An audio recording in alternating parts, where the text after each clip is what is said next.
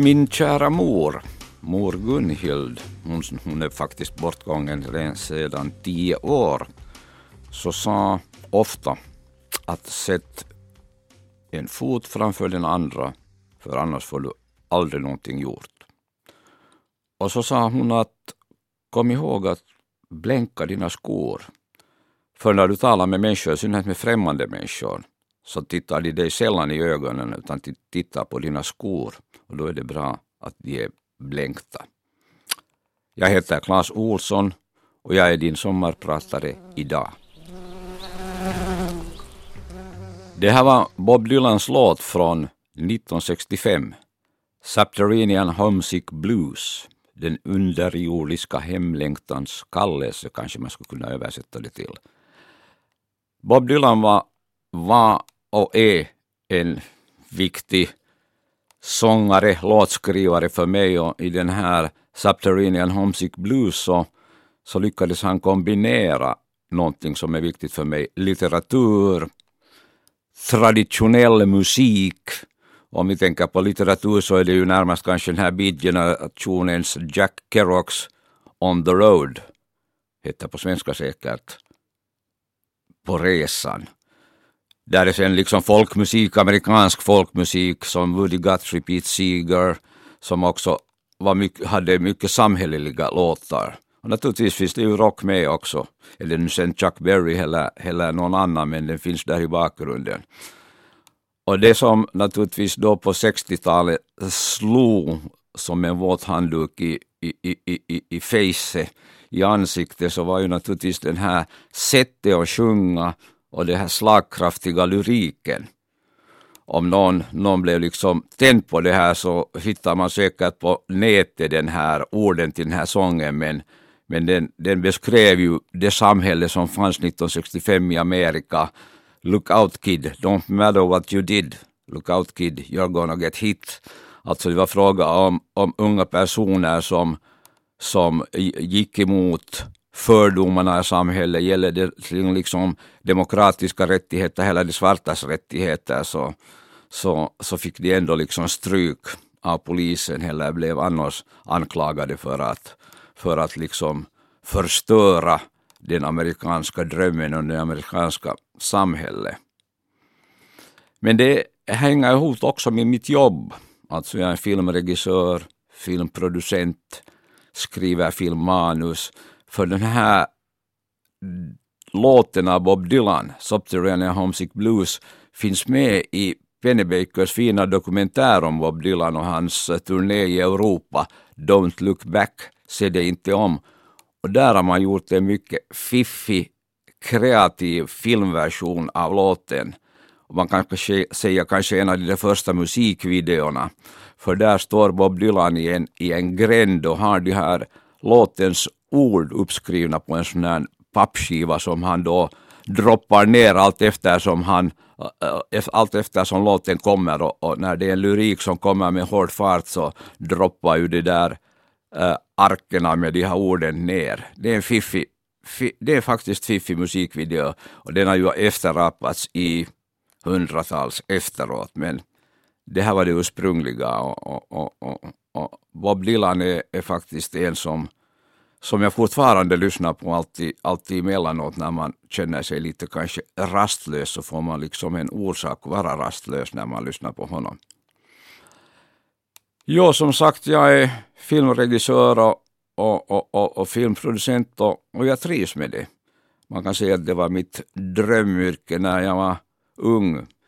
Jag hör ju till den här generationen som, som det där som var ung och barn på 50 och 60-talet och som, som var det, de årtionden när som att säga ungdomskulturen föddes där på, på riktigt.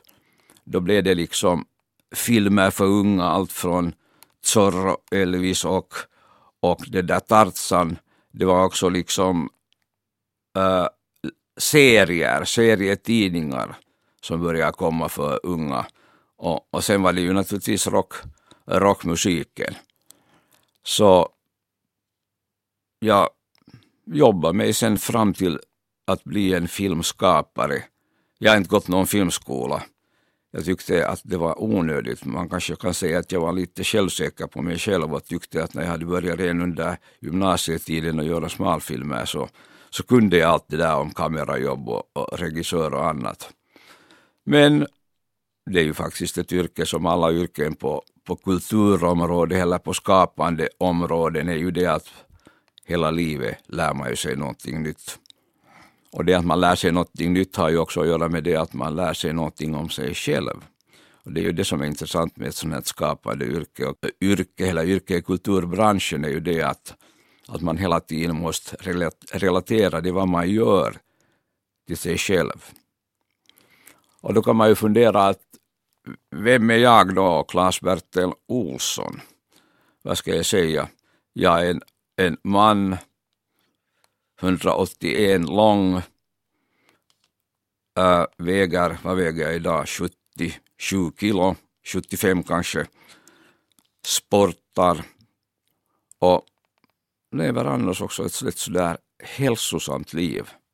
Nu börjar det här ju låta som naturligtvis en annons för en sån här man söker kvinna-spalten eller någon sån annons som man sätter in, in på webben där man ju alltid skryter om sig skryter om sig för att göra sig attraktiv. Men det här stämmer. Man kan ju sen också se liksom att, att vem, vem är jag om man tänker på, tänker på det att man säger att kläderna gör mannen eller människan. Vad har jag på mig här i studion? Jag har en sån där blårandig skjorta som faktiskt jag inte kommer ihåg vad det är för märke och jag kan inte se det nu heller. Men det kommer jag ihåg att jag har jeans på mig, Pierre, Pierre Cardin jeans som, som är väl svenska egentligen fast de har ett sånt här fint franskt namn. Jag har lite såna danska sportiga svarta skor och faktiskt blänkta, blänkta nog också. Jag blänkar dem nog inte varje dag men alltså nu och då. Och så har jag en sån här vit eh, skjorta under den här blåa skjortan så har jag en sån där sammetskavaj. Alltså rätt vanliga sådana här som man säger casual dress har jag, har jag på mig. Och så har jag en arm, ett armbandsur. Trots, man, trots att man oftast ser på klockan från sin mobil så tycker jag det är trevligt att ha ett armbandsur. Kanske det berättar någonting om det förgångna. Nu tickar inte de här armbandsuren som de gjorde på 50 och 60-talet när man lyssnade på på, på farsans Lejona eller någon annan klocka som han hade. Jag har en sån här Omega. DeVille står det på den. Men jag vet inte nu sen att, att om det är ju kläderna som gör mannen eller är det mannen som gör kläderna. Jag tror att det, det berättar nog en hel del om, i synnerhet tänker på film så, och jobbar med film så är det jäkla viktigt att fundera hurdana kläder har den där huvudpersonen för att inte bara beskriva honom eller henne utan också ge liksom en lite bakgrund åt, åt den här personen. Men nu när det är sommar så ska vi sätta på en annan låt. Det här var Stadislang som ni hörde och här var det Eetu Heikkinen som sjöng en Gamla Gartsojen Dallaja. Och det är ju som är roligt då, när man lyssnar på stadinslang så att det är massor med låneord från svenskan. 50-60 procent av den här gamla stadislangen så är faktiskt så att de använder svenska ord. Kämpa, kämpar, braka, går sönder och, och, och eldis och, och sjunga och, och öli och, och bränko. Det är ju alla ord som man gärna förstår att aha, det har att göra med, med svenskan det är ju intressant att, att, liksom att, att de som är äkta stadibor, stadikunder, så som jag upplever mig själv, så säger jag faktiskt stadislang. Men egentligen de som kommer sen från landet eller flyttar in till stan, så de säger liksom hesaslang. Men vi som bor i Helsingfors, så vi säger att vi är från stadin och inte från Hesa. Men det var en annan sak. I den här, svensk, eh, i den här äh, finska slangen, eller kan vi säga stadinslangen, så finns det förutom svenska naturligtvis lånord från ryskan. För vi, hade, vi var ju en del av, av Ryssland ända till vi blev självständiga 1917, eller inte ända, utan vi var då i över hundra år. Och så finns det lite naturligtvis tyska ord, några ord, så finns det grossi till exempel, stor, grås och så vidare. Men vem är den här Eetu Häkkinen? Jag råkade på honom lite av ett misstag för jag håller just som, på, just som bäst på att göra en, en film om Hälsingegatan, alltså den här legendariska gatan i Berghäll. Vi gör den tillsammans med Emma Numminen, eller Mauri Antere som jag kallar honom eftersom han är en gammal vän. Och då för att kunna liksom beskriva den här gatan och dess karaktär så, så ville jag få en, en, en, en gatusångare som har dallat, alltså gått på, de här, på den gatan i, i årtionden. Och det var rätt svårt. Alla, alla legendariska gatusångare så är, är, är nästan döda, bort, bortgångna. Men så råkade jag på den här Eetu Heikkinen och, och vi har honom, honom med i filmen. Inte med den här låten men en, en annan låt. Och han är faktiskt 82 år gammal. Den här låten kom från hans första skiva, för hans första inspelning som, som gjordes faktiskt ett par månader sedan. Och det som är kanske intressant uh, uh, ur, annan synvinkel är att Eetu Heikkinen, när jag var hemma hos, hos honom sen och, och, och, var på väg bort så, så sa han att äter jag fisk? Jag sa ja, jag äter gärna fisk. Så tog han fram liksom Eh, eh, från kylskåpet ett paket och öppnade det och, och, och, sa att han ska ge några gösfiléer åt mig om det, om det smakar. Jag sa att det smakar bra. Jag undrade varifrån hade han fått det här göset. Han sa att varje morgon så går han ut och, och, och, kollar sina nät som han har i, i Gamla stadens vik. 82-åring varje morgon med första bussen som går någon gång 5.20 åker han till, till gamla, äh, gamla stan, eller egentligen till Härtonäs för han har sin roddbåt där i, i Härtonäs. Så, så ror han ut till, till Gamla stans viken och, och kollar vad det har fastnat i näten. På vintern gör han samma sak. Naturligtvis han ror inte ut då utan han går längs isen och har sina nät under isen som 82-åring det var någonting som jag tänkte att okej, okay, det där ska man liksom sträva efter. Att bli 82-åring och jag tror att äta fisk så hjälper, hjälper det. Men den här filmen om, om, om, om, det där, om Hälsingegatan som vi gör med Mauri Antero så faktiskt vi gör den på svenska. Det är en sån idé att Mauri Antero är en Helsingforsguide som guidar en svensk turisttrupp i spårvagn 8 för det är den där spårvagnen som går längs hela Hälsingegatan från Operan i väst till, till eh, legendariska Vasahallens torg i öst, som också på finska kallas Piritorja, alltså vad ska man säga på svenska? Piri är ju, är ju slangordet för amfetamin och, och torg är torg, så drogtorget kanske, och det, det är fortfarande en, en synnerligen intressant ställe och hela gatan är intressant. Jo, om inte ni känner igen den här lena rösten så jag är alltså Claes Olsson, din sommarpratare idag. Det här var säkert som ni kände igen från rösten och sättet att sjunga så Mauri Anteronumminens att cykla är nödvändigt. Det är Mauri Antero som jag känner sedan 60-talet och har gjort en del filmer tillsammans med så han är ju en otrolig vital konstnär, också redan över 70 år faktiskt. Och det som är ju liksom gör honom sådär unik i, i, i finsk kultur är det att han rör sig lika lätt bland, så ska vi säga, lågkultur, underväxten, undergrounden av kultur till högkultur. Allt från opera till, till olika arior och, och olika vad ska vi säga, allvarligare sånger som till exempel som han har gjort på basen av, av filosofen Ludwig Wittgenstein. Vad man inte kan prata om så ska man hålla tyst om.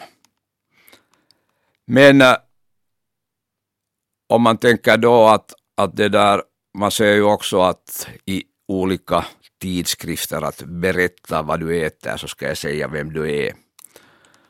Okej, okay, jag kan säga att jag har varit vegetarian i 26, 26 år. Men äter nog fisk alltså. Fisken har hört till min barndom så starkt så, så därför så, så äter jag fisk och fisk är ju jäkla hälsosamt. Men faktiskt inget, inget rött kött och inte heller äh, fågelfä, alltså vitt kött har jag inte ätit på 26 år. Annars också kan jag säga att jag försöker ju vara ekologisk. Försöker faktiskt och, och, och, ibland tänker och reflekterar över det jag gör, att man gör det, man ska göra det ekologiskt. Men naturligtvis det här med att, att vara ekologisk så det kan ju också gå liksom bli överdrivet. Jag tänker på den massor med, med program om på tv eller i tidningar att hur man ska elda en bastu eller sätta eld på, eh, eh, eh, eld på en, en brasa i öppna spisen. Så jag var just över till Estland och, och var över till Ryssland och, och alltså där, den mängden av ved som brinner i, i, i enkla ugnar och spis och det att jag tänder på rätt sätt min bastuugn så det är ju nog liksom, det är småpotatis.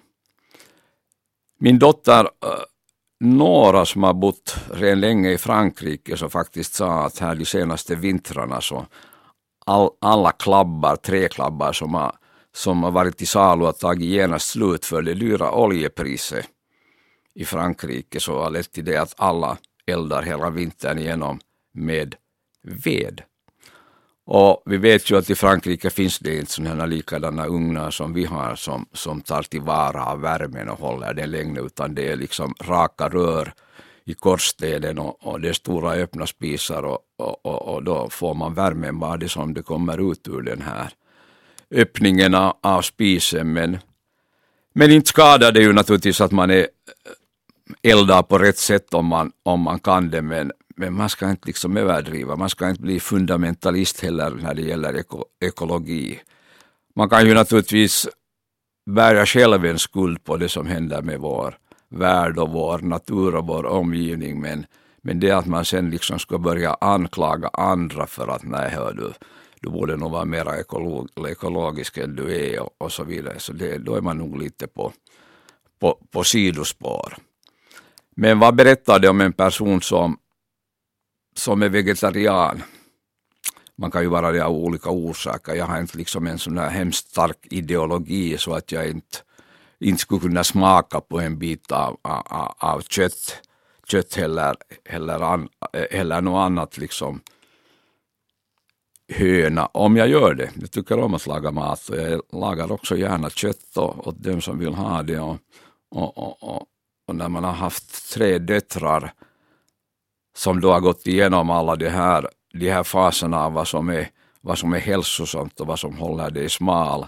Allt från levande föda till just olika slags vegetarianisk mat där man inte kan äta någonting som kommer heller av några no varelser som, som har ögon. Så då naturligtvis så, så kan man ju nog förstå att, att det, där, det skulle vara enklare om man skulle alla skulle äta bara vanlig mat som oftast hos oss innehåller kött. Men här skulle jag kunna kanske också ta upp frågan, frågan om det här att, att det där hur, hur ska man då tänka om sig själv och hurdan skuldbörda ska man ha? Hur ska man se på samhället omkring sig? Ska man ska man hålla tyst med allt vad man upplever som orättvist eller som fel. Och det kan ju gälla små saker som gäller din egen omgivning och gäller eh, hur gatan hålls ren på vintern eller hur, hur hal den är och varför staden inte sköter sig eller hur hänger ihop med, med äh, atomkraftverk eller gruvor som i Talvivaara där, där man för, förorenar klart naturen och, och de som sitter vid makten inte, inte gör någonting utan tar fram de här eviga, eviga lovsången om att, att det är ekonomiskt viktigt för eh, den här nationen, för vårt land nationalekonomiskt viktigt. Och det är viktigt att vi håller en, en, en bra konkurrenskraft med andra länder och, och därför måste vi lite se, se genom liksom svarta glasögon, alltså blinda för saker som händer med vår natur och omgivning. Mannen bakom den här låten, alltså han som satt på och spelade piano, så har skrivit faktiskt en låt som vi alla känner till, du också säkert. Han har skrivit nämligen låten Pippi Långstrump för Sveriges TV då någon på början av 60-talet. Han var alltså svensken, pianisten Jan Johansson som har gjort otroligt fina skivor som baserar sig på folkmusik, jazz på svenska, jazz på ryska. Och han är ju en minimalist kan man säga och, och en effektiv, oerhört effektiv spelare. Och han respekterar ju musikens rötter och som ni kanske har hört här tidigare så, så var Bob Dylan också en sån som respekterade amerikanska folkmusikens rötter. Det som är ju naturligtvis det tragiska med Jan Johansson, fast han hann göra många skivor, så det är att han omkom som 37-åring i en bil, bilolycka när han var på väg till en spelning. Ni hörde ju också naturligtvis basisten och han är ju också den här legendariska Georg Riedel som har spelat med, med, med Jan Johansson på många av, av de här skivorna. Det är någonting som när man har blivit äldre, ska jag kanske säga, som man börjar respektera det enkla. Och det enkla finns hos Bob Dylan, det enkla finns hos Jan Johansson. Och man kan säga att det enkla finns ju också hos Emma Numminen som vi hörde här tidigare. Men det enkla egentligen som jag tänker på är på något sätt tystnaden. Och tystnaden är ju inte någonting som är liksom helt tyst. För ibland kan det bli lite beklämmande när man börjar höra liksom blodet gå i sina egna åror, ådror och, och blodet som, som håller på och, och, och tickar, i, tickar i öronen. Tystnad är ju egentligen någonting som man upplever när man hör något ljud. Det kan vara en enkel låt spelad på piano.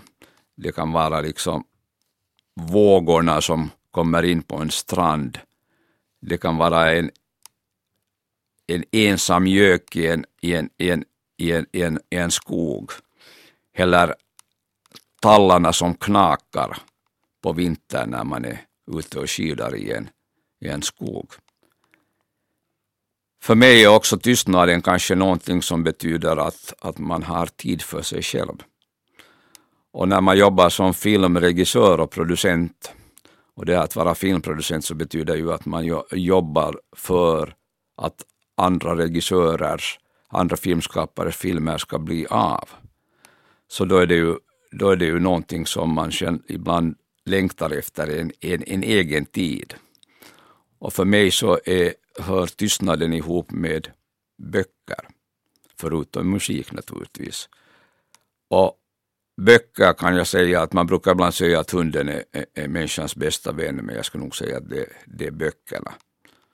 Jag har inte något fel på hundarna naturligtvis, fast jag måste ju medge att jag är mera en, en, en kattmänniska. Vi har haft hundar hemma, men det har ju varit då döttrarnas hundar. Det har inte varit någonting som jag beslutat heller vilja ha hem.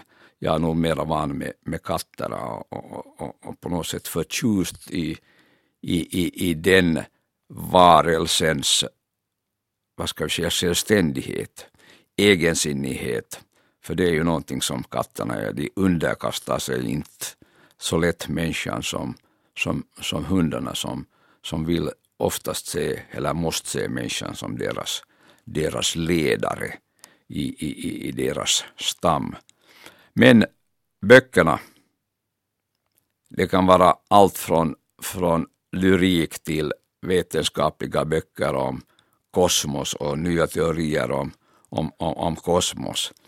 Och bra vänner är ju, är ju sådana som man liksom plötsligt råkar på. Man har ju sådana liksom långvariga vänner som man har liksom livet igenom men så kan man träffa någon ny människa som, som känns som en vän genast när man träffar den. Och, och det gäller det ju också böcker, att du kan plötsligt råka på någon ny bok, någon ny författare som du genast liksom känner att okej, okay, det, här, det här är någonting, han talar på ett, tilltalar mig på ett sätt som jag, som jag känner att det finns, finns någonting lika, likhörande bakom det vad han, vad han säger och skriver. Och, och faktiskt för en tid sedan så, fast jag trodde att jag kände till liksom litteraturen och, och världslitteraturen bra, så blev jag nog överraskad av att jag fick i ett antikvariat i handen en Haruki Murakimis bok, alltså en japansk författare, Efter mörkrets inbrott heter den.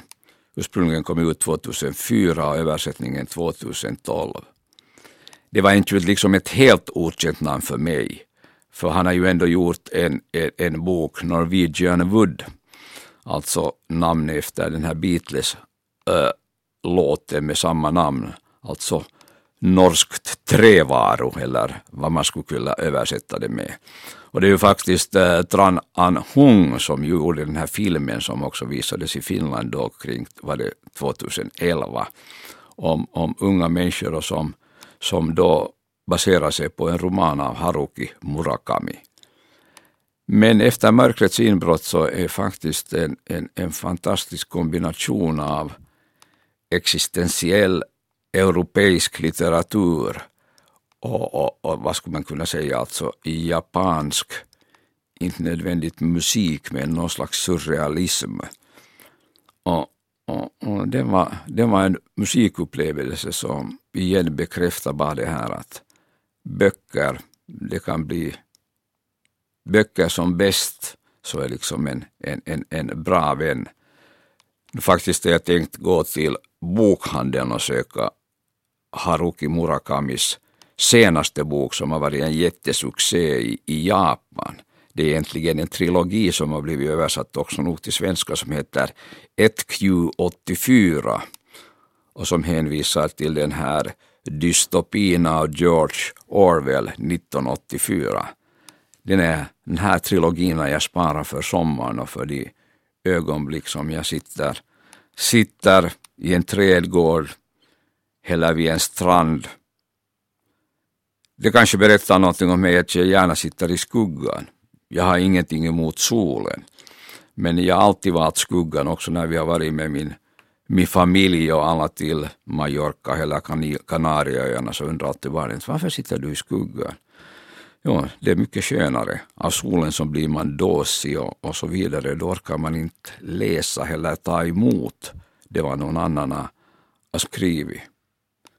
För mig är egentligen alla, alla årstider är, är lika viktiga. Det är inte så att jag skulle säga att jag är vinter eller höstmänniska eller vårmänniska utan för mig är alla årstider bra tider. Och det gäller också alla, liksom, alla tider på dygnet är bra. Jag kan stiga upp tidigt någon morgon bara för att se världen omkring mig, hur den vaknar. Eller sen när man sen är i en stad eller ute på, på landet jag kan vaka, vaka hela natten som man ju oftast hamnar att göra när man gör film och jobbar med film. Att, att det där, men jag kan göra det annars också. Inte bara läsa en bok genom natten eller jag kan lyssna, lyssna på Mozarts arior eller, eller något annat. Eller bara vara, vara tyst och registrera det som händer omkring mig. Ja, den här låten ville jag att ni ska höra så att ni inte bara tänker att han spelar bara musik av gamla gubbisar. Här var det ju faktiskt den här undersköna Maria Kalaniemi som med sitt dragspel förde oss till den här finlandssvenska musikens rötter. Det var i fjol med Herrarna i hagen ur hennes fina skiva Vilda rosor. Den här låten är ju faktiskt en, en, en, en gammal folksång som den här folksångaren från västra Nyland, Hilma Ingberg, har gjort känd. Hilma Ingberg var faktiskt född i slutet på 18, 1800-talet. Det här med västra Nyland det också hör ihop med min barndom, för min kära mor Gunhild var född i Svartå. Och där vid Svartåån eller i, i, i, i, byn där så firar vi ju alla våra barndomssomrar. Eller så var de ute med kusinerna i, i, i Ingo skärgård. Och det är ju någonting, de somrarna som man kommer ihåg. Och det kanske då också lite förklarar varför jag blev så tänd på och, och, och, och, och överföra till levande bilder Monica Fagerholms underbara Kvinnor vid vatten. Men på, på den tiden så, så byggde vi själva våra vattenskidor och åka. Vi ville ju ändå vara, vara liksom moderna fast vi var ute på landet heller.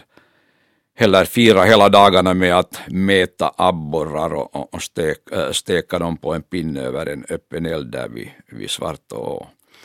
Men det här med att Maria, Maria Kalaniemi gör en skiva med finlandssvenska låtar, eller låtar på, på svenska, så det visar ju också att, att för henne där hennes också rötter finns i, i, i, i, i västra Nyland, också bland, bland, bland eh, oss finlandssvenskar. Så språket är ju också för mig oerhört viktigt, fast jag jobbar både på, på finska och svenska. Men, men nu längre fram vad det har kommit, så desto mer har jag jobbat och gjort film på svenska. Av den orsaken jag tycker att det är viktigt att man har film på svenska, finlandssvenska filmer som berättar om vår finlandssvenska verklighet. För språk är ju någonting som speglar verkligheten, var den, var den har uppstått och var den finns och, och det där. Och, och jag tycker att man borde göra avsevärt mycket mera film på svenska i Finland än vad det, vad det görs. Men det måste man ju säga, tack och lov så är det ju nog vår, vår svenska tv-kanal och, och de finlandssvenska fonderna, så de stöder ju nog också, också film i det att de stöder den finlandssvenska kulturen sådär annars. Och jag jobbar ju, eller jag, jag jobbar av olika orsaker, liksom hela mina filmer ska vi säga baserar sig på litteratur. Är det sen liksom kortfilmer, Diktonius hängde i pojkfan eller är det, är det faktiskt äh, det där Colorado Avenue på basen av Lars Sunds bok med samma namn och lanthandlerskans son. Så jag hoppas att någon av de här yngre filmskaparna skulle göra film om vår nutida finlandssvenska verklighet, om dem själva och deras värld. Inte har jag någonting emot att jag också skulle kunna göra en sån, men på något sätt så har jag fastnat vid det där med de här litterära förlagorna. Kanske det är lite enklare. Det är lite enklare att komma igång när man har någonting som man startar med, någon slags grund som man kan bygga sen eh, bilderna på och scenerna på och så vidare.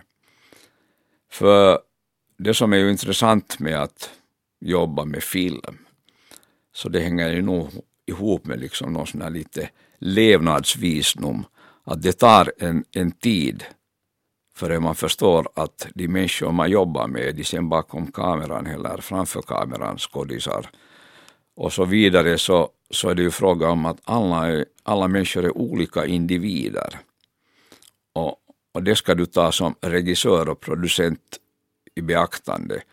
För alla som jobbar med en film, är det då skådis eller kamera eller, eller scenograf, så alla vill ju göra sitt bästa om man förstår det att det är liksom olika individer som vill göra sitt bästa så måste du kunna skapa ett team där alla har utrymme för det här men samtidigt ett team som alla förstår att vi gör egentligen regissörens, manusförfattaren, producenternas vision. I främsta hand nog regissörens vision, för det är ju han som är egentligen sen ansvarig för hur filmen ser ut, hur den fungerar, hur fungerar filmens personer och så vidare. Så, så om det är klart så har alla möjlighet, möjlighet som jobbar med den här filmen att ge sitt bästa. Och det kan man ju nog säga att liksom ärligt att, att vara en filmregissör är ju, det är ju ett privilegium.